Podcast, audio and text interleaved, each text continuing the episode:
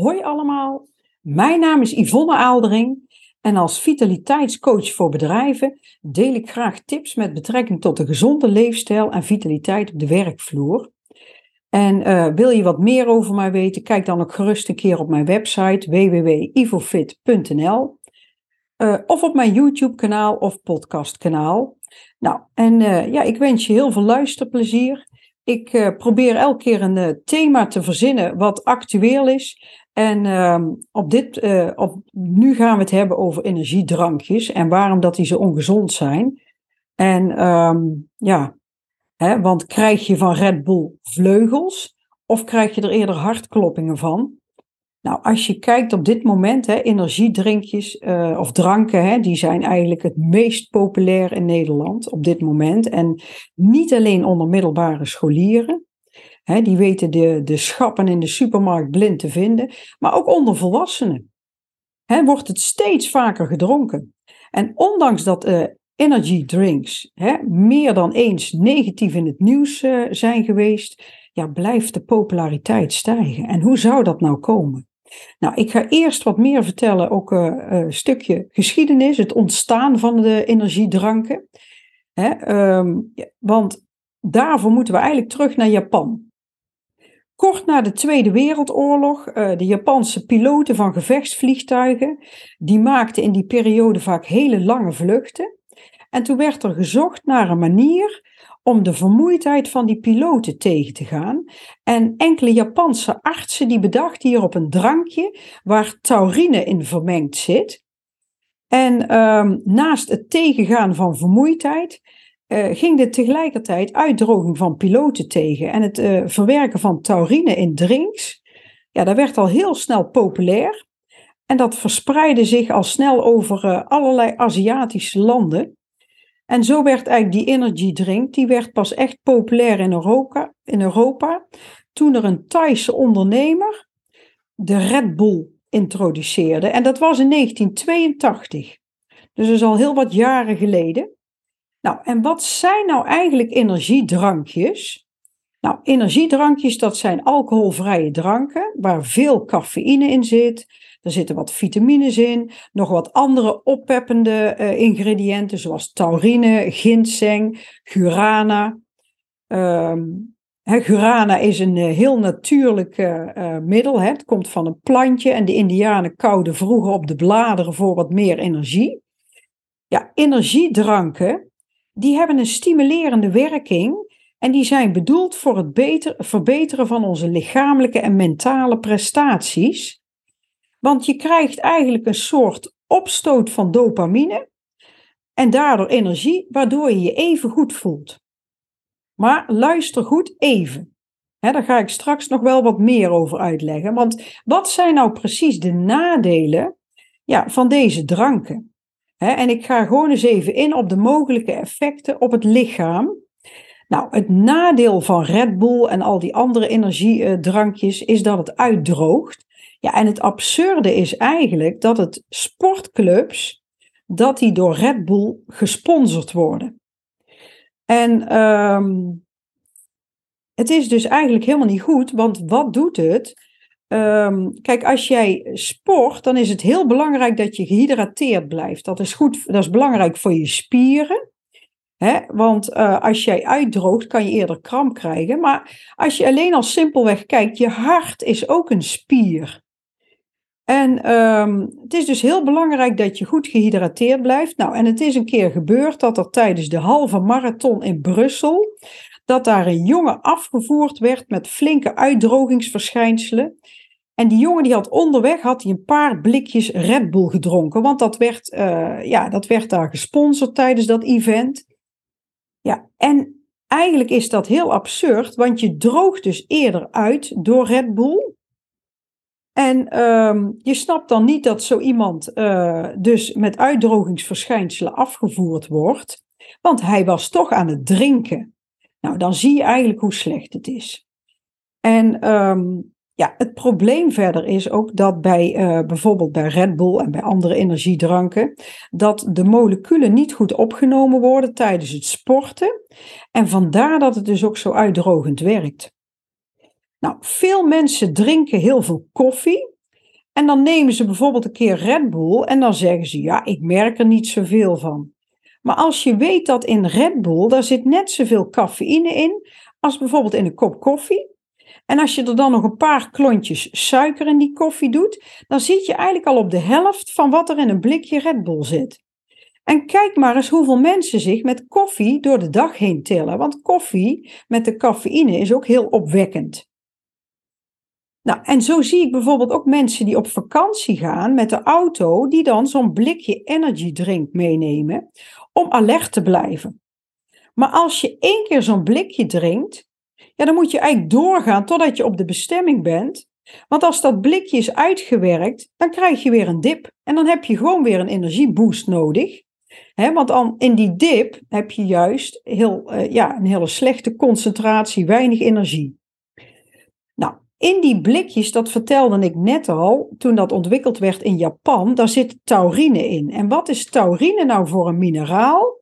Nou, taurine, dat zorgt ervoor dat de hersenen onder meer uh, nieuwe zenuwcellen aanmaken. En die spelen een rol bij de cognitieve processen, zoals het leervermogen en het geheugen. Dus dat verbetert eigenlijk gewoon je concentratie. En taurine is ook niet slecht, maar de hoeveelheid cafeïne en suikers, die maken vooral de energiedrank slecht. En ook vaak de mix van al die verschillende ingrediënten, hè, zoals guarana, taurine, cafeïne, suikers, ginseng. Hè, en dan de hoeveelheden die gebruikt worden. Ja, en waarom is dit uh, drankje nou zo populair onder jongeren? Hè, um, nou, je hebt bijvoorbeeld uh, Red Bull, maar je hebt bijvoorbeeld ook het, het, het uh, Munster heet dat, Munster. Nou, ik heb wel eens zo'n blikje zien liggen op straat en ik heb het eens bekeken. Ja, het ziet er natuurlijk geweldig uit. Hè? Er staan uh, hele gave, coole afbeeldingen op. En je ziet dat dat inmiddels gewoon een beetje een bepaalde cultuur onder jongeren helaas is geworden om die drankjes te drinken. En uh, het trekt aan. En soms wordt het ook heel erg geassocieerd met uitdagende sporten en dat wordt dan vaak ook gesponsord door al deze energiedrankjes. En zo zie je dat er een bepaalde gewoonte en cultuur ontstaat, um, ja, dat men die drankjes gaat drinken. Maar wat zijn dan de gevaren? Want dat is natuurlijk belangrijk om te weten, zodat je ook weet, weet waarom kies ik hiervoor. Nou, als je weet dat het overmatig gebruik van energiedranken dat kan leiden tot cafeïne-intoxicatie. En de symptomen van zo'n intoxicatie zijn misselijkheid, braken, hoofdpijn, hartkloppingen, prikkelbaarheid, angst en bevingen. Ja, en in zeldzame gevallen kan het zelfs nog leiden tot ernstige complicaties zoals uh, ja, hallucinaties en stuipen. Nou, die energiedrankjes die zijn rijk aan suiker en cafeïne. Ja, en dat verhoogt ook weer het risico, onder andere op overgewicht, gebitsproblemen, want die suikers tasten natuurlijk het glazuur aan, hartproblemen en een verhoogde bloeddruk. Ja, en vooral voor kinderen is energiedrank erg ongezond vanwege het effect van de cafeïne, want dat leidt uh, heel erg tot slaapstoornissen, uh, minder goed slapen, maar ook tot angstproblemen. Nou, wat verder ook nog echt een gevaar is van energy drinks, is dat het leidt tot afhankelijkheid, verslaving. En drink jij minder cafeïne, of stop je er volledig mee, als je het een periode gebruikt hebt, ja, dan kun je echt ook ontwenningsverschijnselen hebben, zoals vermoeidheid, uh, nervositeit, slechte slaap. Kijk, de ontwenningsverschijnselen die verschillen van persoon tot persoon. Maar ik heb een keer een werknemer gecoacht bij een bedrijf en die was dus echt enorm verslaafd aan deze energiedrankjes. En die moest echt gaan afkicken. En die had echt, in het, in het begin was die heel erg vermoeid en ja, de drang om dat uh, blikje te nemen was ook enorm. Dus we hebben echt, zijn we gaan kijken van nou, wat kan je als alternatief nemen, hè, zodat je die drankjes niet meer neemt. Nou, als je kijkt, hier in Nederland zit in een uh, energiedrankje, uh, in zo'n blikje, daar zit ongeveer 80 milligram cafeïne. Maar als je bijvoorbeeld naar Scandinavië gaat, daar zit in een blikje, en dat is dan wel van een ander merk dan bijvoorbeeld Red Bull, daar zit maar liefst 180 gram, dus veel meer. Dus als mensen hier zeggen, ik merk niet zoveel van een blikje Red Bull, ja, dan moet je maar eens een blikje gaan drinken daar in uh, Scandinavië. Dan ga je echt serieus merken. Nou, en als je dan weet dat er in één enkel blikje zit 35 tot 40 gram suiker. Dus dat betekent dat er uh, al gauw 6 tot 8 suikerklontjes in zitten. Dat is natuurlijk ongelooflijk veel. En dan 80 milligram cafeïne. Dat is ongeveer net zoveel als in 2,5 blikje cola. Um, dus um, ja, en dat zorgt er dan weer voor, die combinatie, maar vooral ook die suikers, dat jouw bloedsuikerspiegel omhoog gaat, dat je insuline gaat aanmaken. Het kan leiden tot uh, vernauwdere vaten, maar het zorgt er bijvoorbeeld ook voor dat jij jouw bloedsuikerspiegel meer belast en je alvleesklier, waardoor je ook weer suikerziekte, diabetes type 2 kan ontwikkelen. Nou, en dat is ook nog een gevaar van uh, deze energy drinks. Um, ja, er staat een waarschuwing op het uh, blikje, maar die is zo klein dat bijna niemand die leest of ziet. En er is een keer een minister geweest die uh, wilde dat het groter werd. Maar dat is meteen door het parlement afgeschoten. Dus daar is niks mee gebeurd.